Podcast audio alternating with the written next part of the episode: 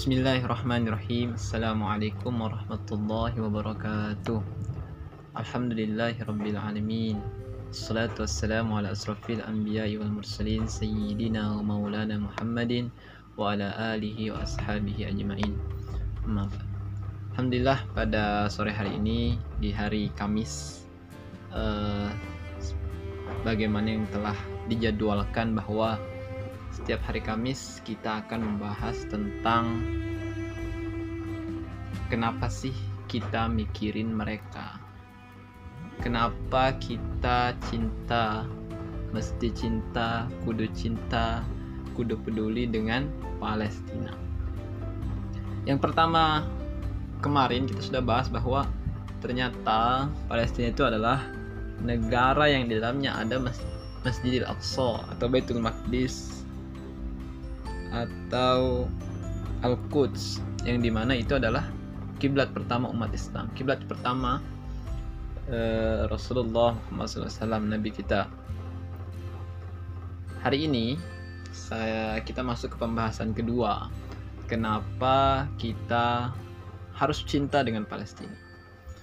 Kalau kita membaca di berbagai sumber dan kita dengarkan ceramah-ceramah ulama di dunia maya, di internet, kita akan mendapati bahwa ternyata negara-negara Arab adalah negara yang pertama kali mengakui kemerdekaan dan kedaulatan bangsa kita Indonesia.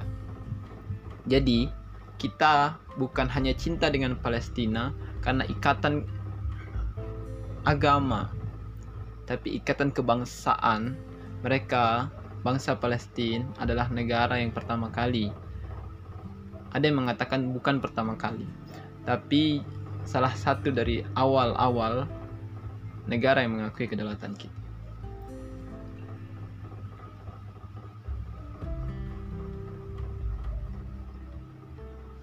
Dalam sebuah ceramah yang disampaikan oleh seorang ulama disampaikan bahwa tujuh negara pertama yang mengakui kemerdekaan bangsa Indonesia adalah yang pertama adalah Palestina lewat seorang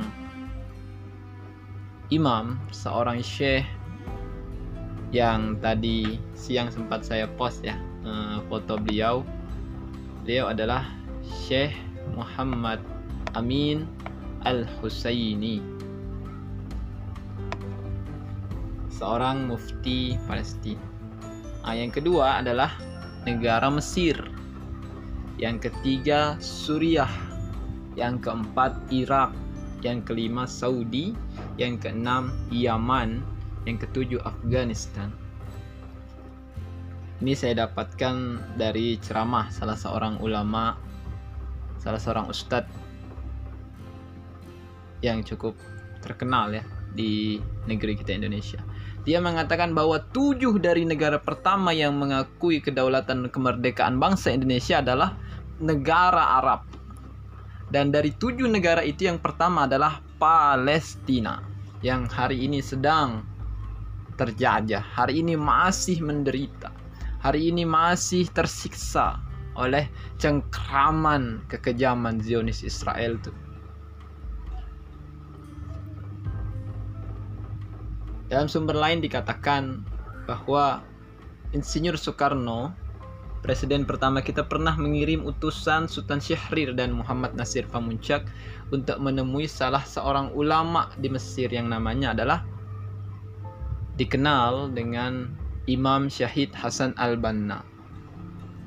Untuk apa diutus dua orang ini untuk mengucapkan ucapan terima kasih atas motivasi, kontribusi, dorongan kepada kita rakyat Indonesia waktu itu untuk mengatakan kami berdeka atas penjajahan. Kami berdiri di atas negeri kami sendiri. Motivasi dan dorongan itu telah memotivasi para pahlawan Indonesia. Para pahlawan-pahlawan kita untuk mengusir para penjajah dari bumi kita Indonesia. Jadi, kata beliau secara institusi negara pertama yang mengakui ini dari sumber lain ya berbeda dengan yang pertama tadi uh, secara institusi negara pertama yang mengakui kemerdekaan kita adalah Mesir lewat presidennya Gamal Abdul Nasir. Namun secara personal adalah mufti Palestina yang tadi kita sudah bahas Al-Imam Muhammad Amin Al-Husaini beliau mengucapkan selamat kepada presiden kita atas kemerdekaan bangsa Indonesia.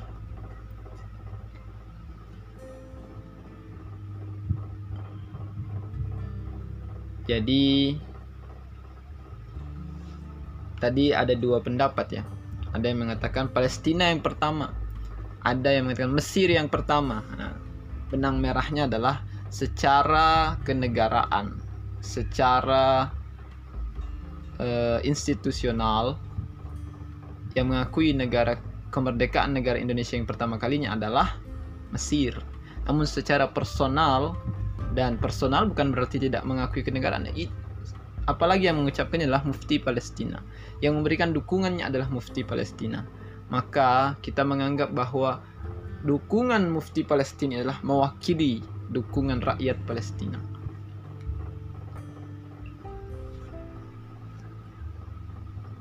Ucapan selamat itu disampaikan beliau lewat radio Berlin berbahasa Arab. Di waktu itu beliau sedang berada di Jerman. Karena e, menurut beberapa tulisan beliau juga dekat, sempat dekat dengan e, seorang yang terkenal ya dalam sejarah yaitu Hitler. Kerjasamanya adalah untuk e,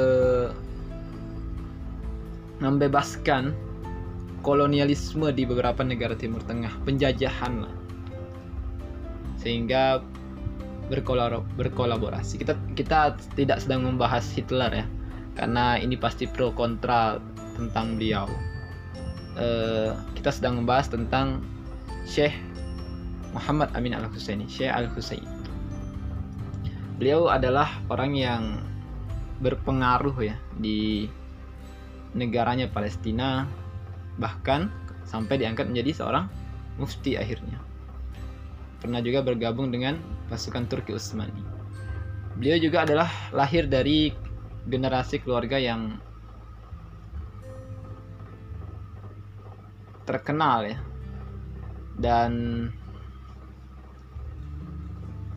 beliau sempat mengatakan kami tidak memusuhi Yahudi.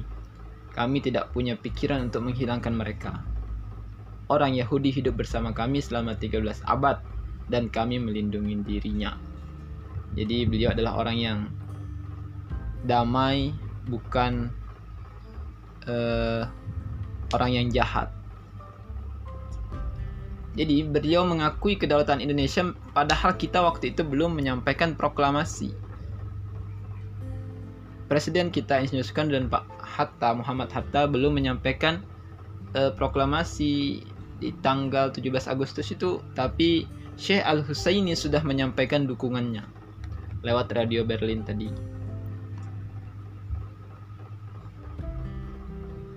Uh, dari aksoinstitute.org menuliskan bahwa Palestina secara de facto mengakui kedaulatan Indonesia pada 6 September 1944 kurang dari setahun sebelum proklamasi sudah diberikan dukungan oleh uh, Syekh Palestina ini. Padahal waktu itu pemberian kemerdekaan masih janji dari Perdana Menteri Jepang Kaiso.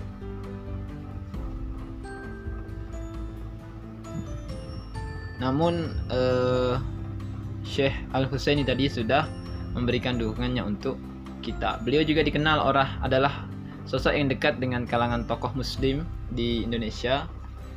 Sempat beliau menyambut kedatangan delegasi PPKI dan berdiskusi dengan wakil presiden pertama yaitu uh, Muhammad Hatta. Oke, pada intinya sore ini kita ingin mengingat bahwa ada jasa besar bukan hanya ada ya, tapi sangat-sangat besar jasa Palestina terhadap kemerdekaan kita. Sehingga kita hari ini mungkin merasa aman, nyaman, tenang, ngapa-ngapain enak. Kita tinggal yang merasakan nyamannya. Para pahlawan dahulu yang berjuang untuk merebut kemerdekaan dari Belanda, dari Jepang, dari Inggris dan dari penjajah-penjajah lainnya. Dan setelah itu kemerdekaan pun diraih namun setelah kemerdekaan diraih, kemerdekaan dijanjikan, kemerdekaan direncanakan, disusun strateginya. Apakah bisa kita dikatakan merdeka? Tak bisa jika tak ada yang mengakui.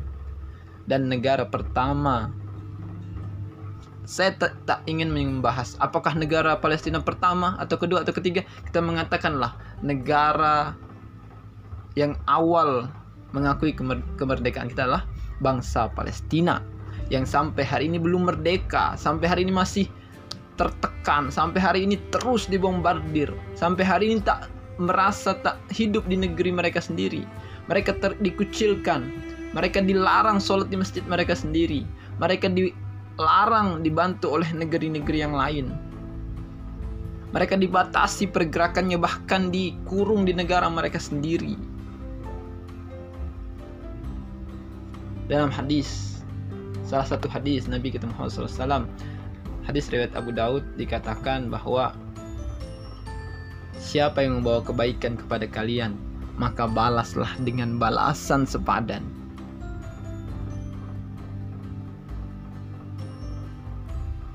Palestina telah memberikan dukungannya berpuluh-puluh tahun yang lalu. Lantas apa yang sudah kita berikan untuk Palestina? Sudahkah pernah dalam salat-salat kita kita menyebut banget Palestina? Kita mendoakan kesabaran untuk sahabat-sahabat kita yang ada di Palestina, saudara-saudara kita yang ada di Palestina. Sudahkah kita berdoa agar Palestina dibebaskan dari penjajahan ini? Sedangkan Palestina dulu mendoakan kita, mensupport kita, mendukung kita. Hari ini mereka yang berada di posisi kita waktu itu, mari kita balas dengan balasan yang sepadan mungkin kita tidak bisa datang ke sana. Jadikanlah uang yang kita miliki seribu, dua ribu, lima ribu, dua puluh ribu, lima puluh ribu, seratus ribu, mungkin sekecil bagi kita. Tapi saat itu kita kirimkan kepada rakyat-rakyat Palestina yang hari ini sedang susah. Itu sangat berharga bagi mereka. Mari kita dukung kemerdekaan bangsa Palestina, pembebasan Masjidil Aqsa dengan mengirimkan apa yang bisa kita kirimkan. Kita nggak bisa kirimkan tenaga kita, kita kirimkan doa kita. Kita nggak bisa kirimkan doa kita, kirimkan materi aman Palestina memfasilitasi kawan-kawan jika ingin membantu anak-anak yatim yang ada di Palestina. Keluarga-keluarga yatim yang ada di Palestina yang ibunya harus mengurus anaknya sendiri karena suaminya menjadi korban perang. Kami Aman Palestina memfasilitasi bagi kawan-kawan yang ingin membantu biaya pendidikan anak-anak Palestina. Keluarga-keluarga miskin yang ada di Palestina. Sekarang sudah lebih dari 50% orang Palestina miskin karena penjajahan ini. Akhirul kalam terakhir setiap hari Kamis inti dari podcast ini adalah mengajak ayo kita peduli dengan saudara-saudara kita yang ada di Palestina banyak negeri yang hari ini ter, ter, merasakan kesusahan, merasa terjajah, terisolir. Saudara-saudara kita yang ada di Uyghur, saudara-saudara kita mungkin yang ada di Myanmar, di Burma, di Bangladesh, di Irak. Mereka semua harus kita perhatikan, tapi ada keistimewaan kenapa kita mesti peduli dengan Palestina. Karena mereka adalah orang-orang yang menjaga masjid suci kita. Yang ketiga, Masjidil Haram, Masjid Nabawi, Masjidil Aqsa. Mereka menggantikan posisi kita untuk menjaga Masjidil Aqsa. Kamari kita peduli, sayangi Palestina. Kita tak punya harta. Saya mau donasi, saya tak punya harta bagaimana? Doakan Palestina dalam salat-salatmu beritahu kepada dunia dengan Facebookmu, Instagrammu, Whatsappmu. Kenapa kita mesti peduli dengan Palestina? Jika kau seorang youtuber buat orang-orang melihat, sampaikan kepada mereka kenapa Palestina mesti dibantu. Itu adalah bentuk sayang dan peduli dan cintanya kita kepada Palestina.